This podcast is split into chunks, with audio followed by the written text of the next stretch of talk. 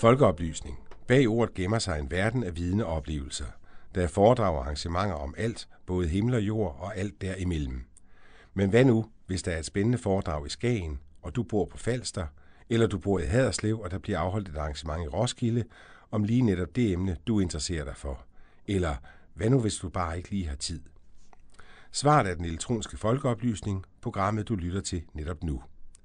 Vi drager land og rige rundt for at dække foredrag og andre spændende arrangementer, så du ikke går glip af noget. Du får mulighed for at høre hele foredraget eller arrangementet, og du kan få en marketerning, vores skarpe journalistiske sammendrag.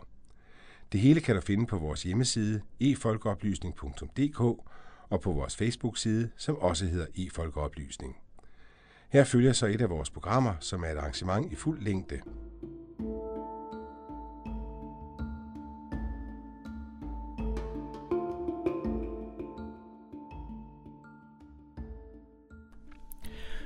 Nu skal du høre en udsendelse, der måske nok tager fat i nogle af verdens helt store problemer, men ellers giver noget så sjældent som håb. Det er Måns Lykketoft, der taler og fortæller om FN. Især FN's 17 verdensmål samt 169 delmål får mange ord med på vejen. Men hvad består de af? Er de realistiske? Og hvordan hænger målene sammen? Det sidste kan vi dog allerede afsløre nu. De hænger helt sammen. For eksempel så hænger mål 7 om bæredygtig energi klart sammen med både mål 13, klimaindsats, mål 11 om bæredygtige byer, mål 3 om sundhed og trivsel. At de netop er Mogens Lykketoft, der taler om FN og især FN's verdensmål, er ikke tilfældigt. Det var netop Danmarks tidligere folketingsformand, udenrigs-, finans- og skatteminister, der var med til at vedtage målene – ikke i sin egenskab som dansk politiker, men da han bestred posten som formand for FN's generalforsamling. Det var da også derfor, at AOF Amager havde inviteret den nu tidligere FN-formand til Kastrup Hovedbibliotek til at tale foran en sal fuld af interesserede tilhører.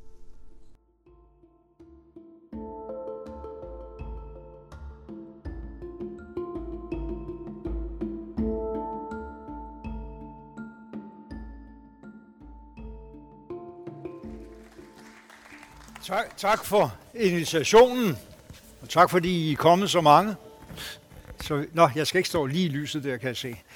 Øh, men det er jo øh, vigtigt at få fortalt om, hvad det egentlig er, der foregår i FN, fordi jeg tror, mange mennesker siger, hvad skal det nytte?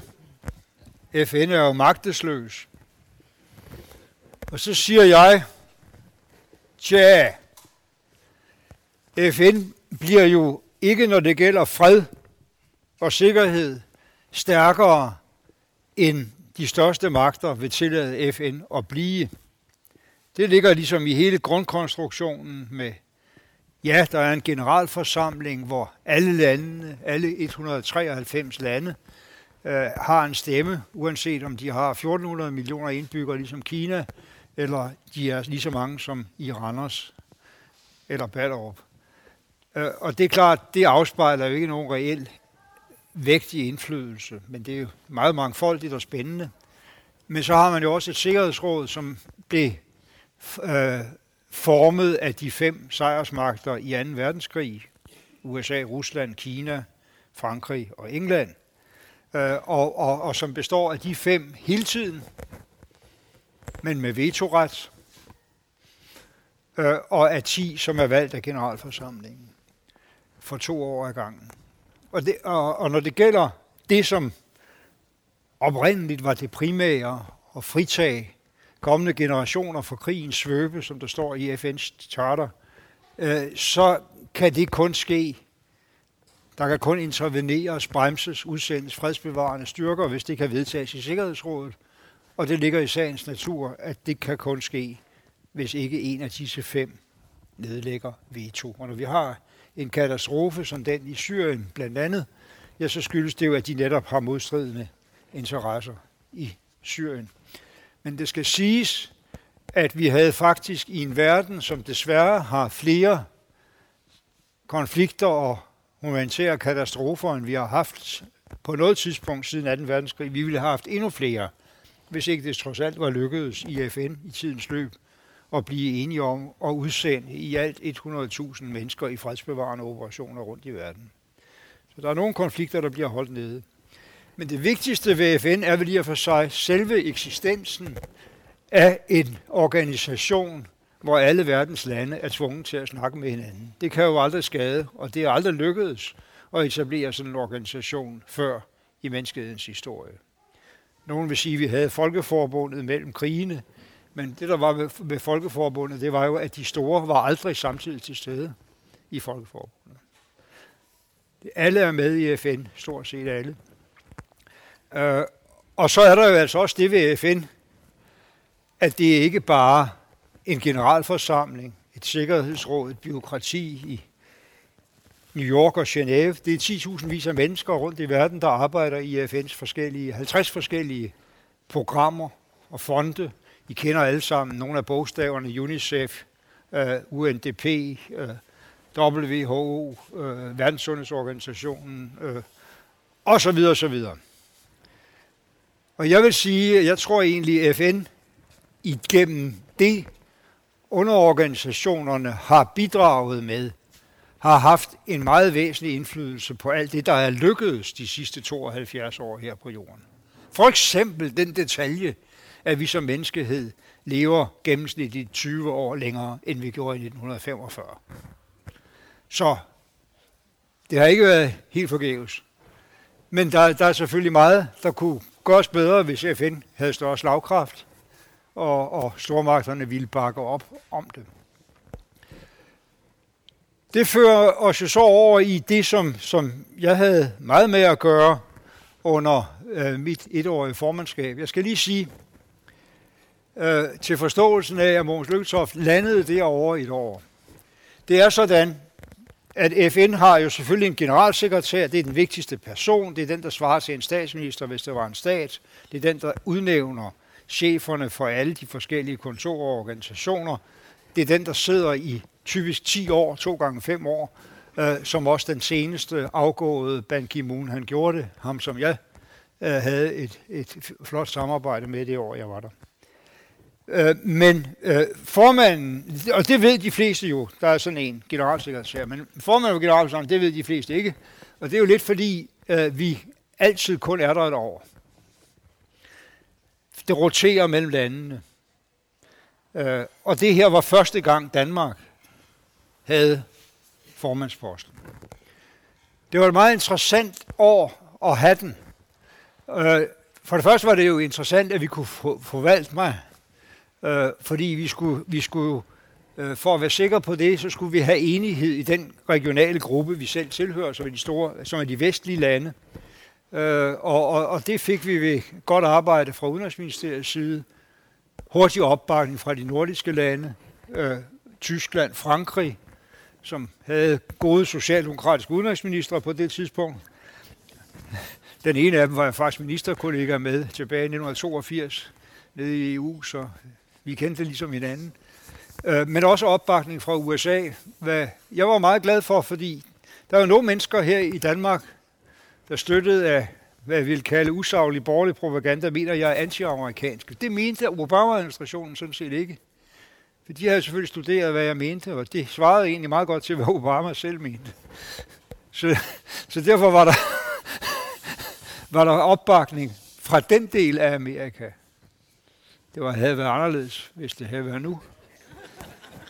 Men, men, men, men, men, men, men, men, men det lykkedes at skabe en enighed i vores landegruppe, og det vil sige, at vi havde også øh, som øh, formandskab, jeg i samme, øh, samarbejde med det danske udenrigsministerium, god øh, forberedelsestid til det her. Vi kunne sammensætte en grundstab fra Danmark på en fem stykker, øh, som kunne hjælpe med at, og forberede alt i rigtig god tid. Øh, og og øh, det betød, og så fik vi efterhånden 30 øh, plus flere fra 30 forskellige medlemslande i staben, så jeg havde sådan et virkelig multinationalt foretagende, jeg kørte med på 35-40 mennesker i, i, i sekretariatet i det år, jeg var afsted. Det var også spændende i sig selv. Men, men øh, det var meget opmuntrende og få at vide af Ban Ki-moon ikke en, men mange gange, I er det bedst forberedte formandskab, jeg har set i mine 10 år som generalsekretær. Det var vi glade for. Øh, og øh, det betød også, at vi øh, ikke opfandt verdensmålene, som jeg skal tale mest om, for de var jo på vej heldigvis. Vi gjorde meget for at få det udbredt og underbygget og talt om og fuldt op på. Men, øh, og heller ikke klimaaftalen, som også var undervejs. Det foregik i min tid. Det var spændende at være med til det. Men der, hvor vi fik en indflydelse, som øh, nok så meget var vores egen fortjeneste, det var, at vi for første gang fik en form for demokrati omkring valget af den næste generalsekretær. Sagen er, at der har været gode folk, nogle af dem måske knap så gode, der i årenes løb har været generalsekretærer. Det, der har været karakteristisk ved den måde, de blev generalsekretærer på, det var, at det var dem, som amerikanerne, russerne og til senere år kineserne kunne enes om, ikke øh, ville genere dem alt for meget. det var så ikke altid rigtigt. Altså både Kofi Annan, som I sikkert alle sammen kan huske, og, og senest Ban Ki-moon, talte jo de store imod efterhånden. Men, men, men der var en stemning, det har der været i mange år, blandt den store kreds af medlemslande. Dels utilfredshed med det der sikkerhedsråd, der ikke træffer de rigtige beslutninger, og de store, der dominerer for meget, og et ønske om, at det blev en reel proces. Alle havde indflydelse på, hvem skulle være den nye generalsekretær, hvem skulle være den nye topmand i organisationen. Og der lykkedes, jeg skal ikke trække med alle detaljerne, jeg har også en bog med, jeg kan læse videre på, hvis det er i køen. Men, men, men, men, men, men, men, men det lykkedes faktisk at insistere på at få Sikkerhedsrådet til at acceptere, at de skulle overhovedet ikke begynde at tænke over, hvem der skulle være generalsekretær, før jeg havde haft dem alle sammen hver to timer, alle kandidaterne fra hele verden, hver to timer til høring i en samlet generalforsamling. Og det betød, at landene jo dannede sig en mening om, hvem vil vi helst have. Og det betød også efter, ikke bare min mening, meget andres mening, at vi fik en generalsekretær, som øh, muligvis aldrig var blevet valgt, hvis det kun var de store, fordi han simpelthen er for selvstændig og for kompetent øh, til, at de tør binde an med ham. Og det er jo så den tidligere socialdemokratiske statsminister i Portugal, Antonio Guterres, der nu er, er, er FN's generalsekretær. Men hans baggrund var også, at de umiddelbart foregående 10 år var han en meget, meget dygtig chef for FN's øh, flygtningeorganisation, øh, af højkommissær for flygtninge, med de store finansieringsproblemer og andre problemer, han skulle mødes af, gjorde han et fantastisk arbejde. Og han var også i den høringsproces, jeg gennemførte, absolut den, øh, der gjorde det mest overbevisende indtryk. Så det var en nyskabelse, som vi kan være stolte af, og som det bliver umuligt for stormagterne ligesom at rulle tilbage igen næste gang, de skal vælge generalsekretær. Det var sjovt.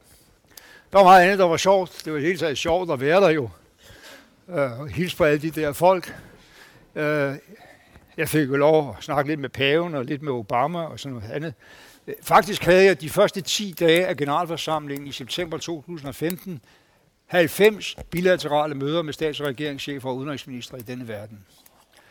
Så, så man kommer jo til at kende nogle folk, godt nok lidt hurtigt, men, men det giver jo en helt anden fornemmelse af, hvordan verden lige nu hænger sammen. Øh, så spændende var det. Men det vigtigste, vi gjorde, var jo sikkert nok verdensmålene. Og derfor vil jeg tale lidt mere om dem, og nu har vi set længe nok på pralebilledet, så nu vil jeg trække, trække målene frem. Og det kunne jeg tale alt for længe om øh, i sig selv. Hvad sker der her? Det er måske ikke alligevel teknikken, der driller lidt. Så det er også lige meget, man kan gøre det her. Kan man ikke? Jo.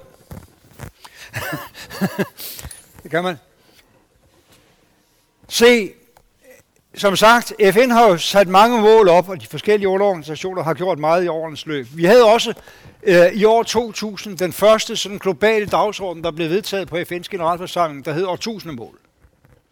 Årtusindemålene handlede om, at vi satte os for i fællesskab, alle regeringer stemte for det, at vi de første 15 år af dette her århundrede skulle reducere antallet af ekstremt fattige mennesker i verden til det halve, fra 1,5 milliard til 700 millioner. Mennesker, der lever under et par dollar om dagen. Det lykkedes. Paradoxalt nok, øh, selvom verdens goder samtidig blev endnu mere ulige fordelt mellem rige og fattige, så fik vi løftet ganske mange hundrede millioner ud af ekstrem fattigdom. Det, der var interessant ved det, var også ligesom retningsgivende for, hvad der sidenhen skete med verdensmålene her. Det meste af det skete i Kina. Kina er jo voldsomt interessant øh, for os alle sammen, uanset om vi kan lide alt det, vi ser. Kina er verdens indtil nu folkerigeste land. Der bor 1400 millioner mennesker snart. Øh, hver gang der er en af os, så er der 250 af dem. Kina har de sidste 40 år, efter de stoppede alle maves vanvid, 30 dobbelt deres nationalprodukt. Altså det er ikke 30 procent plus, det er 30 gange op.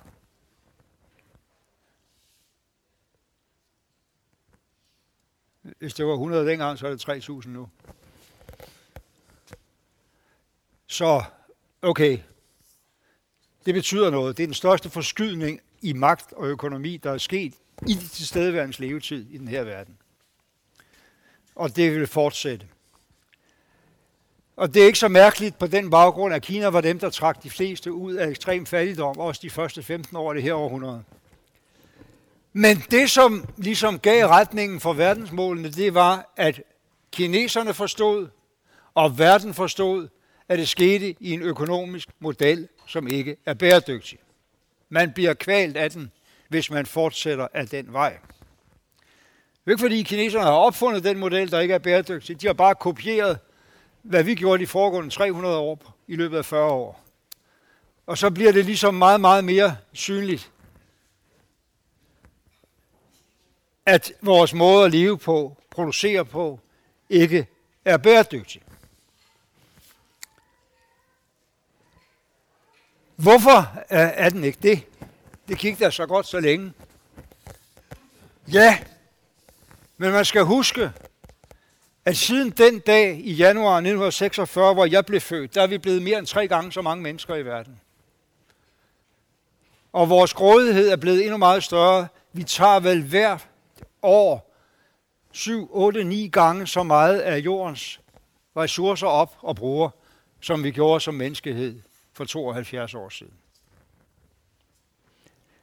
Og så det er kun meget, meget uoplyste og sære mennesker, som Donald Trump og Bjørn Lomborg, der, der, der kan mene, at øh, det er ligegyldigt, hvad menneskene foretager sig for menneskehedens fremtid. De allerfleste, der ved noget om det, de vil sige, okay, der er nu fuldstændig videnskabeligt underbygget sikkerhed for, at den måde, vi opfører os på, dramatisk accelererende påvirker klodens tilstand. Kloden er begrænset. Vores adfærd er ubehersket. Det kunne måske gå dengang vi i den privilegerede stand den million, milliard af de syv milliarder, der bor på de to sider af Nordatlanten, var de eneste, der svinede med ressourcerne. Men hvis der er et par milliarder til derude i Kina og andre steder, der vil have det på samme måde, så bliver det faktisk indlysende klart to ting.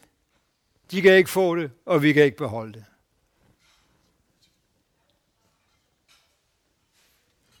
Det handler bæredygtighed om. Det handler verdensmålene for bæredygtig udvikling om. Fordi jeg skal nok prøve at forklare nærmere, jeg skal også nok prøve at fatte mig lidt mere i kortheden, jeg er i gang med nu. Men det, som står deroppe, er i al korthed, ja, selvfølgelig skal vi fortsætte med at prøve at afskaffe den ekstreme fattigdom helt og alt det, der følger af ekstrem fattigdom, eller har sammenhæng med ekstrem fattigdom. Men vi må forstå, at det kan vi kun gøre under den betingelse, at vi nu om sider giver os til at økonomisere med vores ressourcer og producere på en anden og mere bæredygtig måde. Og så bliver det så meget mere påtrængende også at fordele de begrænsede goder, vi har på en mere retfærdig måde.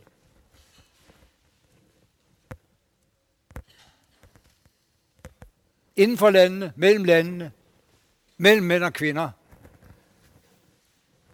Og hvis vi tager lighedsaspektet først, så er det jo det, som, som øh, mål 5 og mål 10 handler om.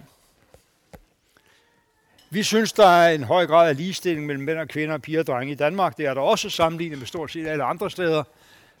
Men uligheden i vilkår globalt er så dramatisk, at verden ville være 25 procent rigere, hvis kvinder og piger havde lige så mange muligheder som mænd.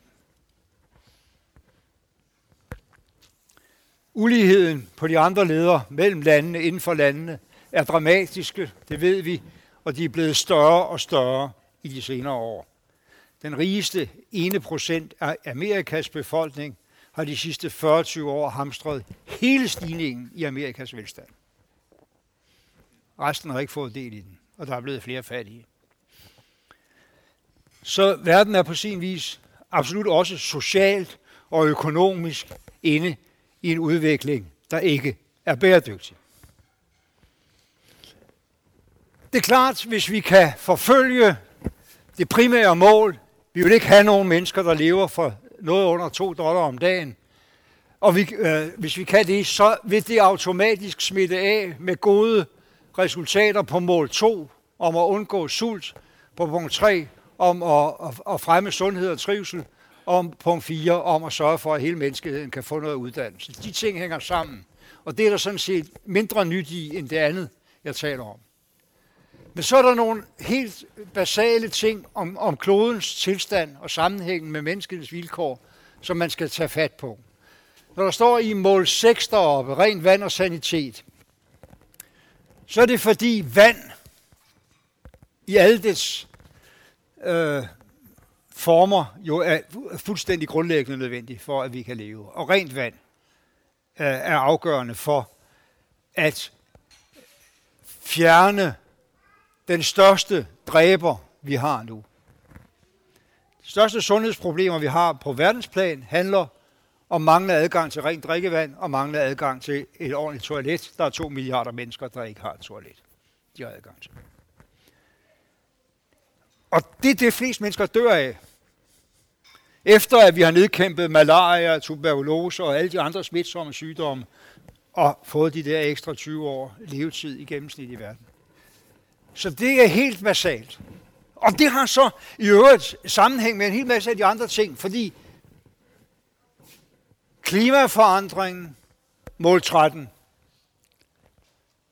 som er det, der haster allermest, er i færd med at trække tæppet væk under levevilkårene for rigtig mange hundrede millioner mennesker på kloden. Hvis vi ikke kan realisere FN's mål om at stabilisere den globale opvarmning på højst 2 grader af, i forhold til hvad den var før øh, industrialiseringen, og helst kun halvanden grad, så ved vi nogenlunde med sikkerhed, at i løbet af de næste 30, 40, 50 år, så vil det ikke være 65 millioner mennesker, der er tvunget til at forlade deres hjem, som de er nu, på grund af krige, konflikter og klimaforandringer.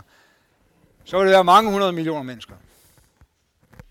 Fordi Vandstanden vil stige i havene, marker vil blive saltet til, ørkner vil sprede sig. Og, apropos vand, de vandreserver, de gletsjere i Centralasien for eksempel, der øh, leverer vand til en milliard mennesker, de vil ikke bare smelte ned og give vand, de vil smelte væk.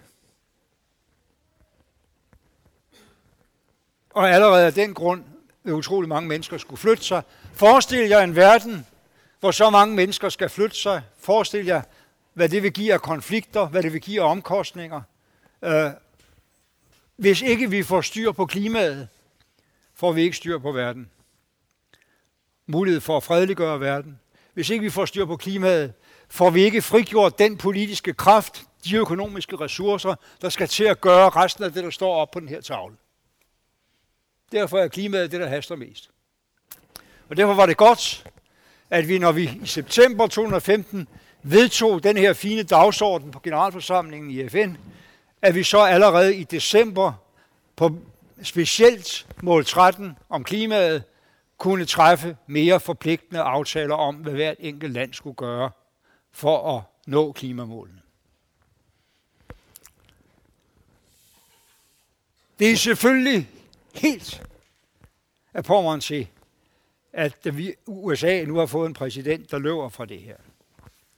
Det er dramatisk, men ja, vi kan tage det videre i diskussionen. Det bekymrer mig en lille smule mindre, end det gjorde i første omgang, fordi det, jeg har set i verden, rundt i verden og hjemme i USA, det er en masse kræfter, der i endnu højere grad tager den her kamp for en klimaindsats. Det er guvernøren i Kalifornien, borgmesteren i New York. Øh, det er kæmpe virksomheder, der siger, hør nu her, Donald, der er også penge i det her. Og levere de løsninger, de svar, de teknologier, de produkter, der skal til, for at vi kan leve bæredygtigt.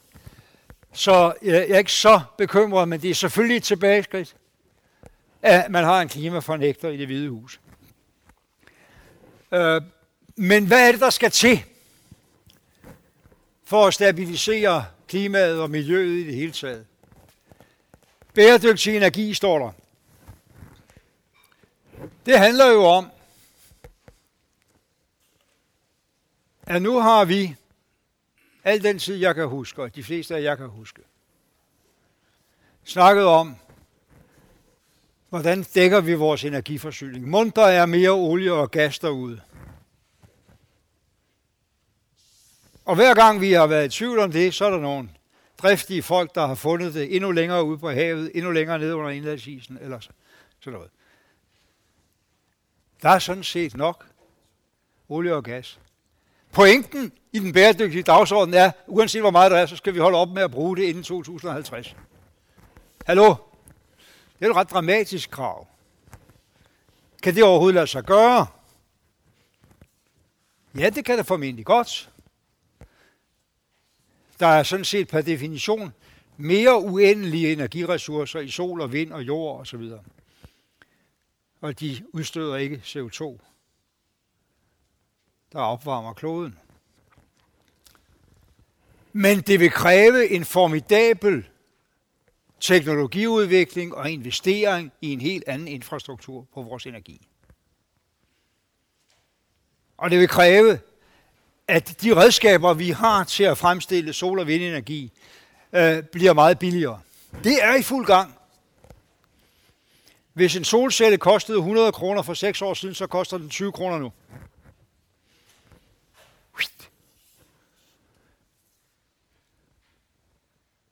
Og det var derfor, Indiens premierminister øh, sagde til mig, da vi snakkede om den her dagsorden, da jeg var over besøge ham. Hov, hallo, det betyder jo, at ikke bare kan jeg gøre noget godt for menneskeheden ved at have mere bæredygtig energi, men det er også billigere for mig at forsyne de sidste 10, 20, 30, 40.000 landsbyer i Indien, der ikke har strøm, med solceller, end ved at anlægge et nyt kraftværk. Og det illustrerer måske mere end så meget andet, den dynamik, der er i det her. Det er også meget interessant, apropos Trump og alle de der problemer, vi har med ham. Der er flere arbejdspladser i vedvarende energi nede i den republikansk styrede oliestat Texas, end der er i olieindustrien. Allerede nu. Så jo, det her kan godt lade sig gøre. Men det kræver politisk vilje, det kræver engagement fra erhvervslivet, det kræver samspil mellem øh, det politiske system og erhvervslivet, det kræver forskning og udvikling i en stil og grad, som vi ikke rigtig har nået op på endnu. Men det kan lade sig gøre. Og det er helt nødvendig forudsætning for, at vi kan stabilisere klimaet. Det er klart, der er også en, noget i den ligning, der hedder atomkraft. Det vil vi måske ikke have, men det er der andre, der vil. Det vil kineserne, det vil inderne også bruge. Og det udstøder altså heller ikke CO2, det har så andre problemer i sig. Og det må man så diskutere med dem, der vil have det. Øh, så står der i mål 8, anstændige job og økonomisk vækst. Og der vil jo straks være nogen, der siger, jamen, økonomisk vækst, er det ikke lige det, du har talt om, at vi har haft for meget af, at vi er ved at blive kvalt i. Og svaret er jo, at økonomisk vækst kan jo være mange ting. Hvis man for eksempel er villig til at betale skat, så kan man jo sagtens ansætte flere skolelærer, øh, sygeplejersker, øh, børnepassere, og ældreomsorgsfolk, uden at det er et klimaproblem. Men man kan selvfølgelig ikke producere sine varer på samme måde. Man kan ikke blive ved med at transportere sig på samme måde. Man kan ikke have sin landbrugsproduktion indrettet, som den er nu, øh, hvis man vil løse klima- og miljøproblemerne. Det bliver en helt anden slags økonomisk vækst. En, hvor vi helt er fri for de fossile brændstoffer, altså olie, gas og kul. En, hvor vi er meget mere varsomme med, hvad ressourcer vi bruger, og hvor, hvor effektivt vi genbruger ressourcer. Hvor vi er meget mere bevidste om, at produkter skal kunne holde, produkter skal kunne repareres effektivt, let og billigt, øh, og materialer skal genbruges. Så kan vi godt have økonomisk vækst, og hvis vi tænker tilbage på mål 1, så er det jo også nødvendigt, hvis vi skal trække alle de der mennesker ud af armod. Men det peger så på, på mål 9, hvor der står industri, innovation og infrastruktur. De tre stikord er, ja, vi skal have industri, ja, men det skal være på, på nogle helt andre metoder, som vi knap nok har udviklet endnu, og vi skal have en helt anden infrastruktur, hvad enten vi taler energi, transport, byplanlægning i det hele taget, affaldshåndtering, materiale, genbrug osv. Og derfor forskerne, universiteterne, forskningsinstitutionerne, virksomhederne, deres egen forskning, i et stort samarbejde, skal finde svarene på det, vi ikke har svarene på endnu, men som vi ved, vi kan finde svar på. For eksempel, hvis vi skal bruge så meget sol- og vindenergi, så skal vi også kunne oplære det. Fra når solen og vinden, når solen skinner og vinden blæser. Altså, den er ikke helt opfundet endnu, men den skal opfindes. Den bliver opfundet. Øh, og det gør den, øh, jo hurtigere vi faktisk styrer vores forskningsindsats i den retning. Når vi snakker infrastruktur, bare for at tage et eksempel som trafikken, jamen så er det jo klart, vi skal se for os, at den verden, hvor den her dagsorden skal indpasses, det er en verden, hvor halvdelen af menneskeheden bor i mega store byer. København er en lille en. Der er byer med 40, 30, 40, og efterhånden bliver der 50 millioner indbyggere. De bor oven på hinanden, de bor meget tæt.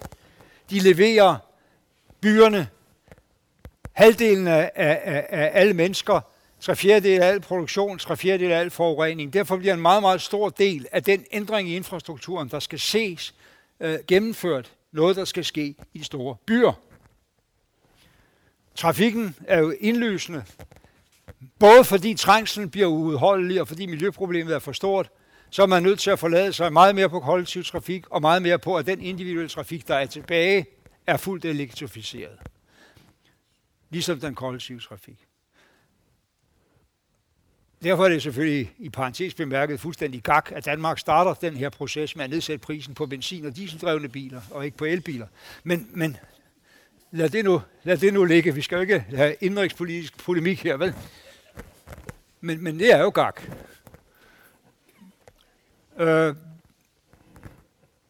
men det peger så, vi har snakket om muligheden, det peger over på mål 11, øh, om øh, at det er byerne, men selvfølgelig alle lokalsamfund, men ikke mindst byerne, der skal trække det store læs, der skal mobilisere pengene til de store investeringer, til det hele kommer til at se anderledes ud. Øh, kollektiv trafik, elektrificering, øh, men, men jo tusind andre ting. Altså, der er jo vældig meget innovation også i, hvordan kan vi have på vores altaner vores grøntsager, i stedet for at skulle hente dem langt væk fra, og så videre, og så videre, og så videre. Øh, der er en meget central rolle for dem, der bestyrer lokalsamfundene, og især de største af dem. Og så er der en central rolle for os alle sammen, som producenter, hvis vi har en virksomhed, og som forbrugere, hvad vi jo alle sammen er. i at vælge de bæredygtige metoder, den bæredygtige forbrug, den bæredygtige produktion. Man kan sige, at øh, det skal vi nok have hjælp til. I virkeligheden er en central del af regeringernes rolle i at gennemføre verdensmålene for bæredygtig udvikling og lægge sådanne rammer omkring markedet, at det bliver mere og mere indlysende, at det bæredygtige valg også er det mest fordelagtige økonomisk. Conny Hedegaard har sagt det meget pædagogisk. Hun har sagt, ja, skatterne skal jo ikke bare være...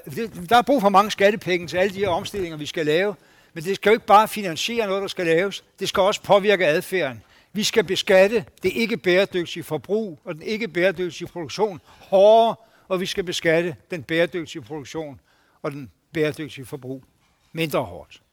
Det er indlysende. Det betyder, at vi skal have, have, have gjort fossile brændstoffer dyrere og, og andre energiformer billigere. Markedet klarer noget. Vi skal forstærke markedet.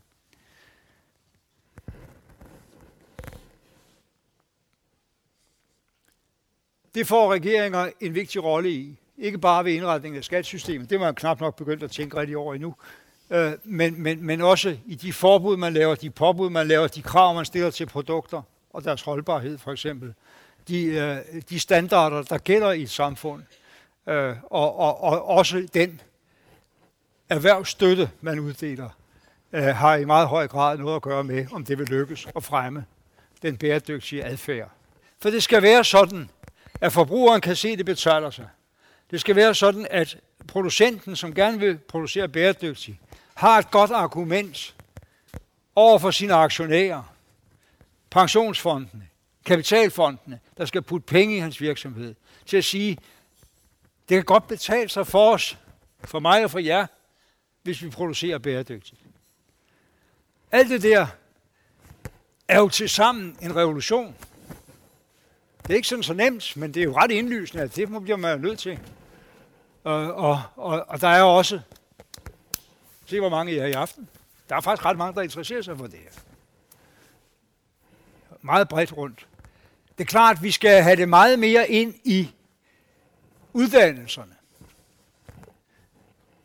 Vi skal have det så meget ind i skolerne, gymnasierne, universiteterne, læreanstalterne, at vi får en ny generation, der kan opdrage os. For det er klart, det er sværere med de gamle at, at ændre mindset så totalt. Men, men, men derfor er det meget, meget vigtigt, at det her bliver en del af al undervisning. Helt ned fra børnehaven, hvor de kan sortere affaldet rigtigt og sådan noget. Der, man kan starte et sted. Øh, og, og, og op til, til de længste uddannelser. Vi har formuleret et slogan, der hedder fra ABC til Ph.D. Der skal vi have øh, bæredygtigheden ind. Og jeg er meget, meget glad for, at for eksempel øh, øh, arkitekt- og, og, og designuddannelsen ude på Holmen har besluttet, at der er ingen studenter, der kan aflevere en stor opgave, hvis ikke den relaterer sig til de 17 verdensmål. Eller et af dem, eller flere af dem.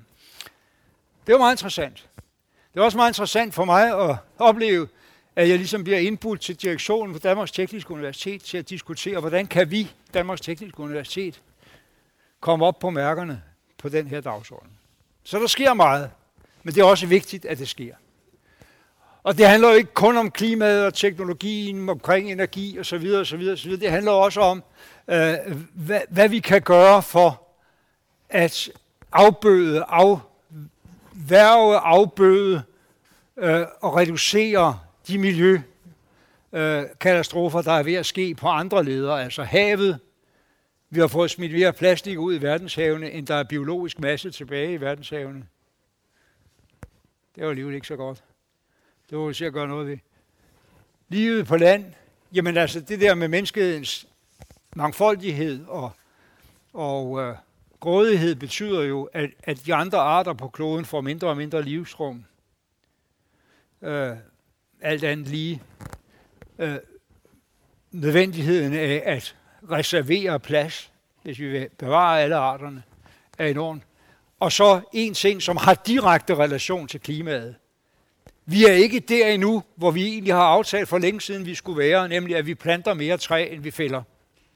Og det at få skovene til at vokse igen, er jo helt, helt afgørende for at opsuge det CO2. Det er en stor del af klimaløsningen, øh, at vi har skov, der kan være med til at løse klimaproblemet.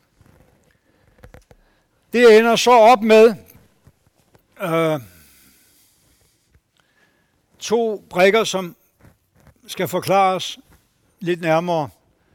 Der står fred, retfærdighed og stærke institutioner. Det kan man jo læse på så mange måder. Jeg har ikke sagt, men det ved I sikkert nogen af jer. Nedenunder de her syv hovedoverskrifter, der ligger 169 forskellige delmål og aktionsplaner for, hvad verden skal gøre for at få en bæredygtig udvikling.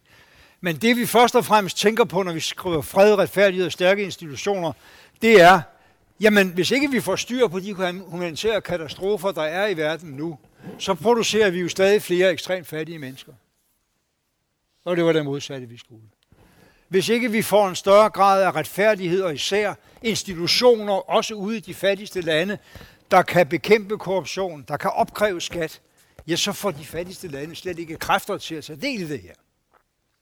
Og så bliver det også et problem for os, at de ikke kommer ind på en bæredygtig adfærd. Selvom det skal jo tilføjes hele tiden. Øh, det er lige så vigtigt, hvad vi gør selv. Det er os her, de rige, der har de største fodaftryk på kloden. Det er ikke dem i Tanzania eller i Kongo. Det er os. Og derfor er det os, der skal lave den største omstilling i vores måde at forbruge og producere på. Men det er også de fattigste lande. Og det her er jo et budskab om, at det verden har brug for er internationalt samarbejde, der er bedre, der er stærkere til at løse internationale problemer, som intet land kan løse på egen hånd. Og det er selvfølgelig øh, øh bekymrende, at der er så meget modstand mod internationalt samarbejde, europæisk samarbejde, og hvad har vi? Men må ikke øh, forståelsen alligevel vokser for, at der er ingen af de problemer, vi står overfor, inklusiv flygtningestrømme, migration, som kan løses uden et stærkere internationalt samarbejde. Og at vi er nødt til at yde en håndsrækning til de fattigste lande, hvis de skal kunne møde klimaproblemet, hvis de skal kunne skaffe sig penge til alle de investeringer, de også skal lave i deres infrastruktur. Øh, og, og derfor bliver et internationalt samarbejde mod skattesnyd, skatteunddragelse, skatteflugt, øh, skattely en afgørende del af den her dagsorden. Og det er også beskrevet heri. Så står der partnerskaber for handling, og det er jo en understregning af, at det her er ikke noget, der afgøres et bestemt sted i regeringskontoret. Den her dagsorden, som 193 lande altså har tilsluttet sig, i hvert fald i, sagt ja til, de har ikke alle sammen gjort noget ved det. Det er heller ikke så meget. Danmark har gjort det nu. Ekstra. Selvom vi kunne tjene rigtig mange penge på at understøtte de virksomheder, der har de gode svar ved at have høje standarder til os selv. Det var den måde, vi fik en god medicinalindustri på, det var den måde, vi fik en god Vestas øh, vindmølleindustri på osv. Vi kunne gøre meget mere ved at stille store krav til os selv. Men, men, men, men det gælder sådan set øh, alle landene. Vi har brug for et internationalt samarbejde, der er stærkere. Vi har brug for, at nogen går i spidsen. Det kunne Danmark blandt andet gøre. Vi har brug for, at FN er en god ramme omkring øh, ligesom at få overvåget, hvordan går det? Få målt, går I fremskridt? Hænge de lande ud, der ikke gør fremskridt. Men FN har jo ikke nogen retskrav på, hvad folk skal gøre efter den her dagsorden. Vi kan ikke slæbe nogen fra en domstol, men vi kan holde billedet op, sige, gør vi fremskridt, gør vi ikke fremskridt. Og dermed måske presse nogen. Øh, men, men, men, men det skal jo først og fremmest ske øh, i, et, øh, øh, i et internationalt regionalt samarbejde, men ved aktiv handling fra engagerede mennesker. Civilsamfundet havde stor indflydelse på den her dagsorden. Der var 8 millioner mennesker ud over verden, der deltog i diskussionen om, hvad skal der stå i verdensmålet. De var ikke blevet så ambitiøse, hvis ikke der havde været også alle de her øh, organisationer og aktive mennesker med, og hvis det kun havde været regeringer.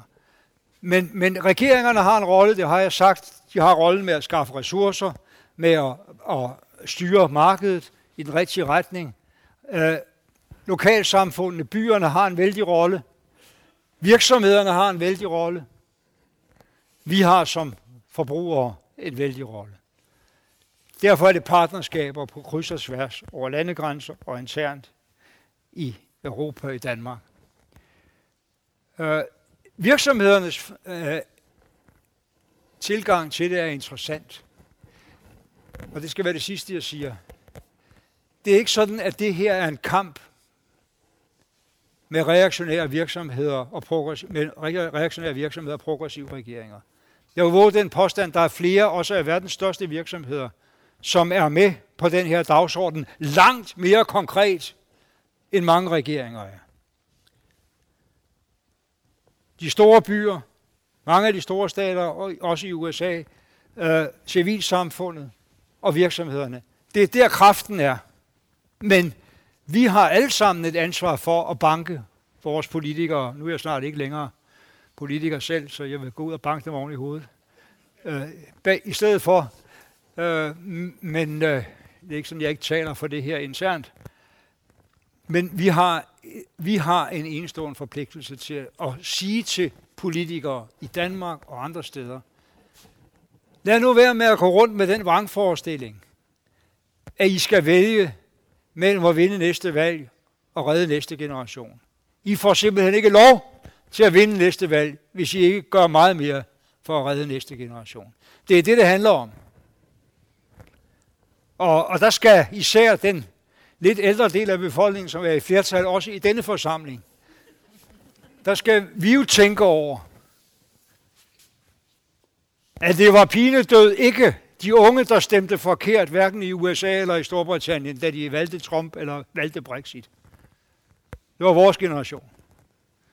Det kan man simpelthen ikke være bekendt over for de næste. Så der er brug for aktivisme her. En rigtig form for aktivisme.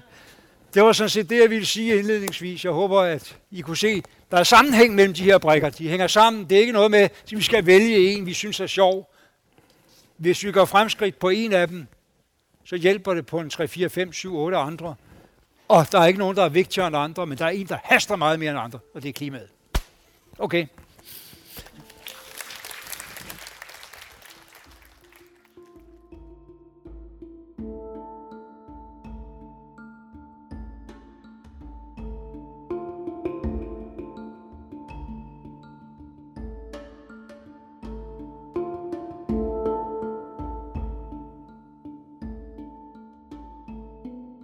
Sådan sagde altså tidligere formand for FN's generalforsamling Mogens Lykketoft, inden der var pause. Efter pause var der tid til, at publikum kunne stille spørgsmål. Nogle af spørgsmålene og svarene kan du høre her nu.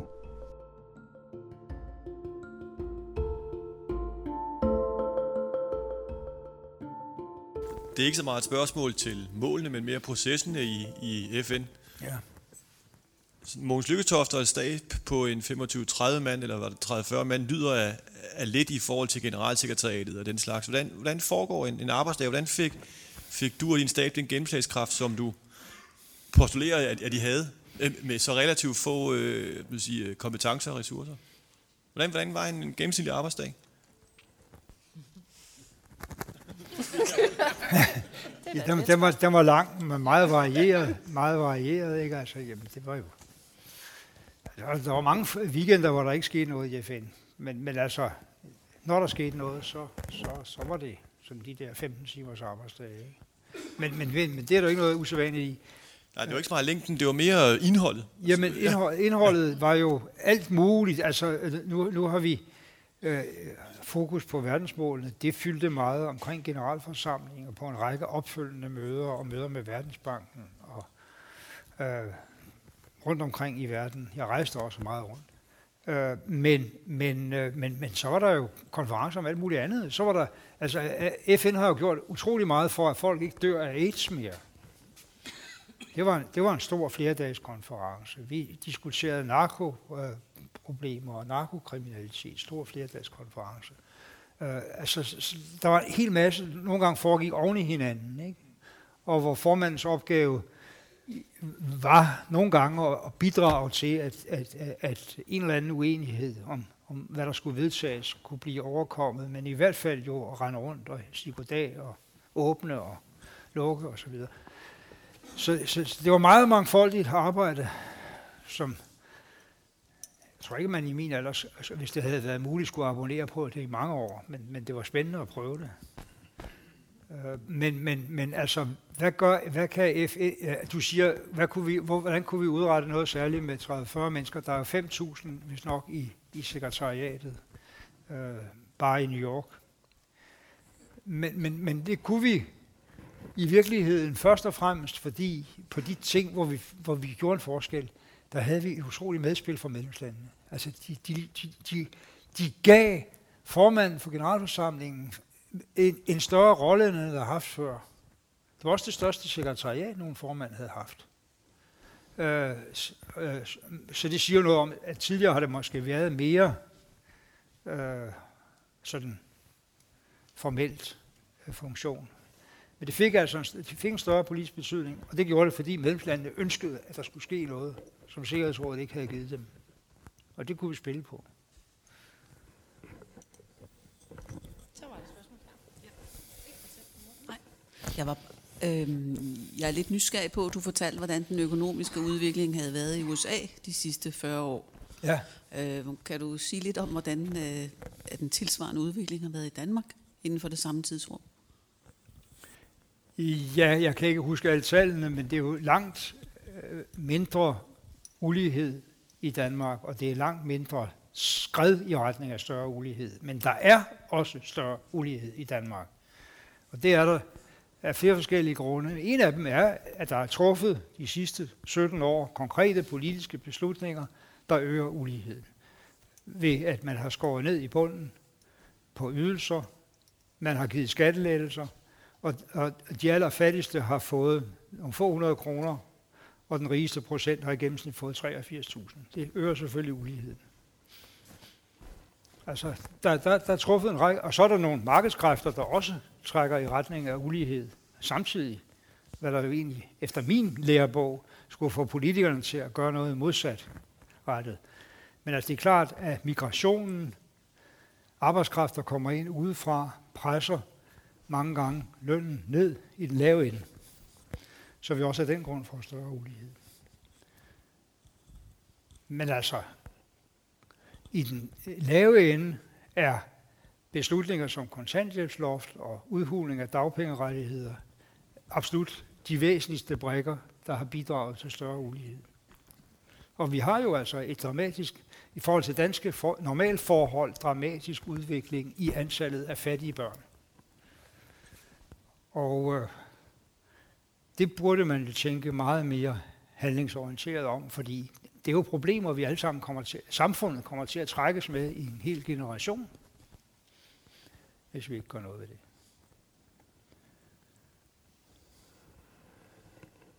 Men altså, der er slet ingen sammenligning med uligheden i USA. Lad os endelig tage fat, holde fast i det. Det er fordi, de ikke vil betale skat derovre. Øh, jamen det er sådan set, jeg er helt med på, at vi skal blive endnu bedre herhjemme, og jeg satser også på, at det sker efter næste valg, forhåbentlig.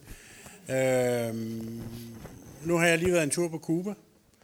Fantastisk sted at være. Mm-hmm. Øh, men samtidig, og nu har jeg også rejst rundt i andre tredjeverdens og selvom deres økonomi ikke er så stor, så kan man jo konstatere, at de faktisk sviner ret kraftigt med affald, med ting, der skulle genbruges, men som bare bliver smidt eller brændt ude i naturen. Mm. Og der er det, jeg tænker, var det ikke også en idé, og det kan godt være, det er i nogle af de her mål, at, at det er jo diskussion, der hele tiden har været, hvem skal betale for klimaomstillingen?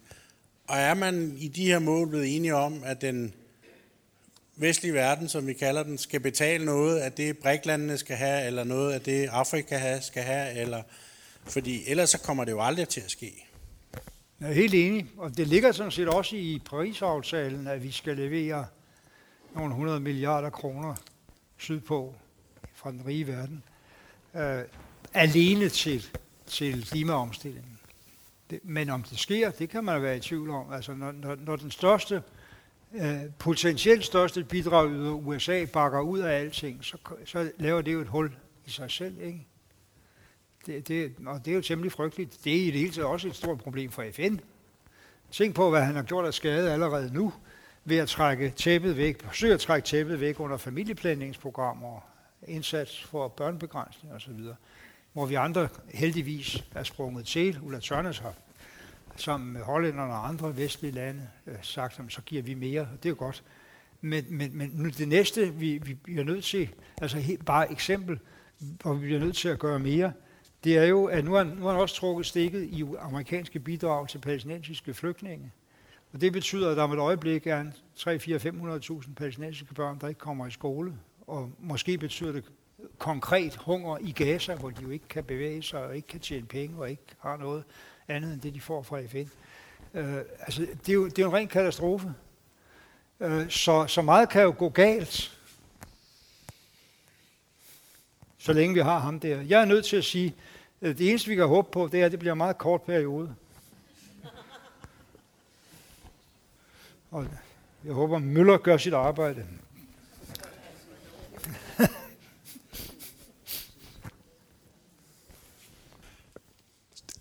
Har du en refleksion over det faktum, at han er jo blevet demokratisk valgt, og det er jo altså en, den her, øh, de her bizarre valg, man ser i USA og i England, er jo desværre ikke, øh, altså despoter, det er jo, det er jo desværre et flertal af befolkningen, der har stemt på, på den, øh, de mennesker.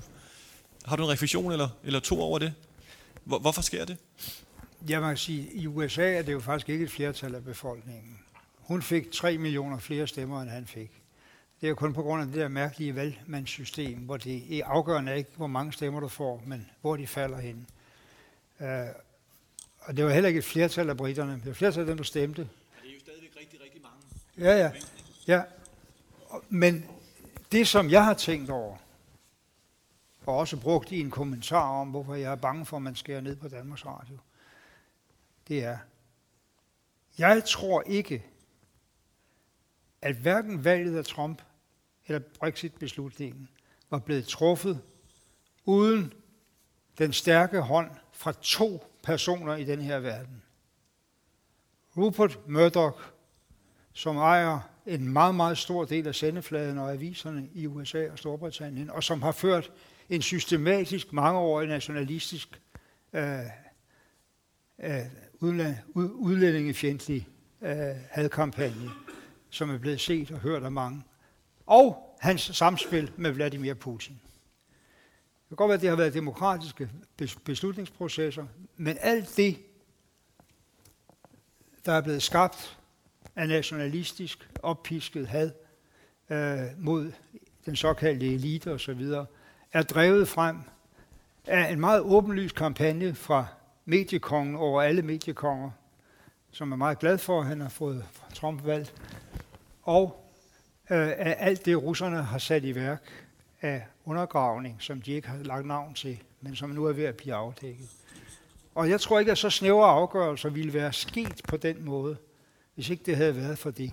Det rejser jo sandelig spørgsmål, om vi overhovedet kan få vores demokratier til at fungere hensigtsmæssigt, hvis ikke vi har en meget, meget stærkere oplysningsvirksomhed, som, som ikke er bestemt af Ruslands interesse i at splitte os ad i Vesten, eller af øh, øh, en kommersiel kanals selvvalgte interesse i at gøre det samme. Altså når man koncentrerer så meget magt hos så usympatiske kræfter, så risikerer man, at demokratiet afskaffer sig selv.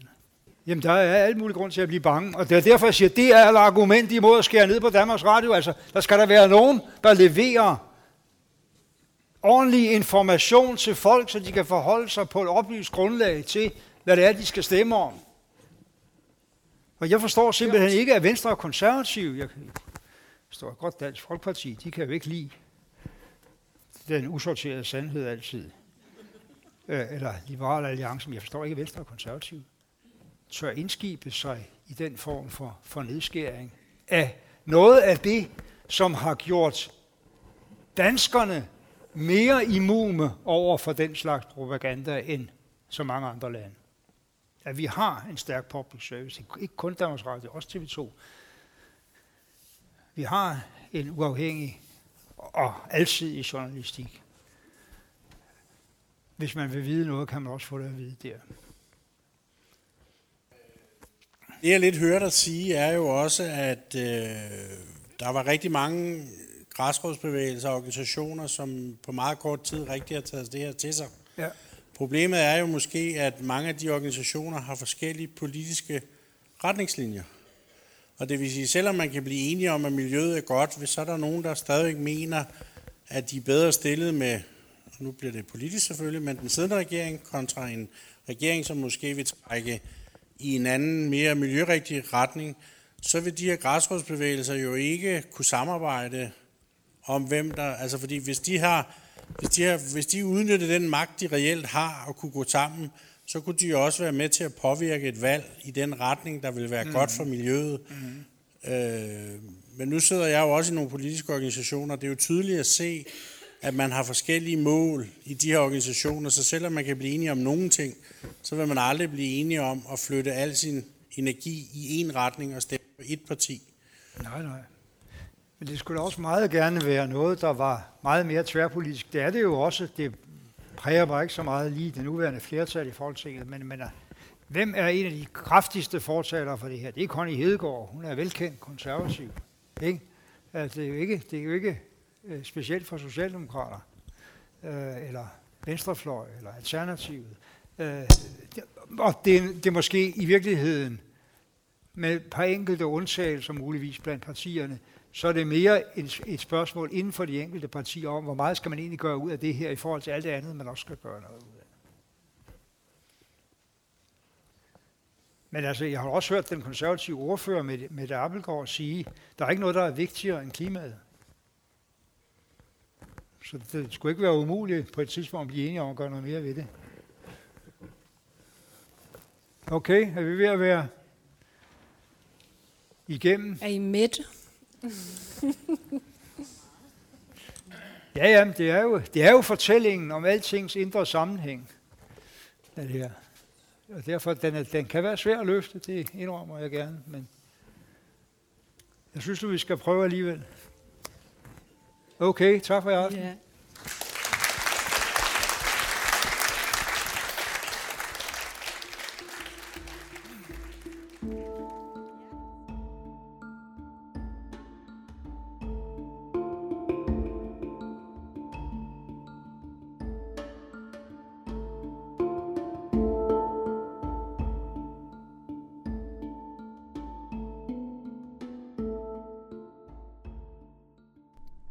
netop hørt Mogens Lykketoft tale om DR, Trump, fattigdom, FN og især om FN's 17 verdensmål. Målene trådte i kraft den 1. januar 2016 og gælder frem til 2030. Aftalen forpligter alle FN's 193 medlemslande.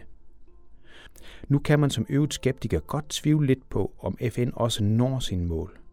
Men som du blandt andet har kunnet høre her i udsendelsen, så har FN faktisk nået en del af sine tidligere målsætninger.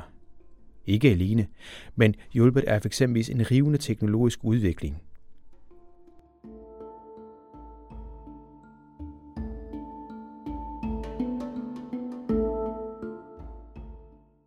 Siden 1990 er fattigdommen faldet med næsten 75 procent. 9 ud af 10 børn i udviklingslandene går i dag i skole, Dobbelt så mange børn overlever deres femårsalderen. 45 procent færre kvinder dør i forbindelse med deres graviditet eller fødsel. 2 milliarder mennesker har fået adgang til forbedret drikkevand. Ja, vi kunne egentlig blive ved. Så sagt på en anden måde, det har nyttet, og så er det vel grund til optimisme, når det gælder de nye mål også.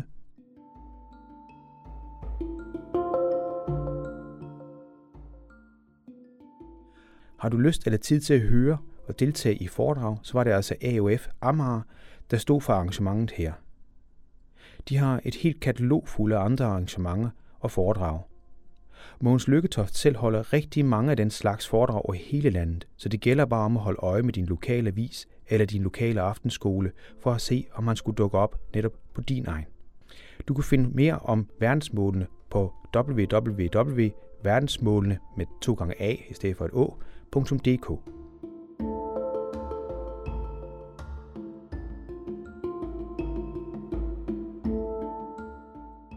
Du har netop hørt den elektroniske folkeoplysning. Du finder os på efolkeoplysning.dk og på Facebook under samme navn. Her kan du både finde hele foredrag og journalistisk bearbejdede magasinprogrammer. Det er podcast for arrangementer over hele landet om alt mellem himmel og jord.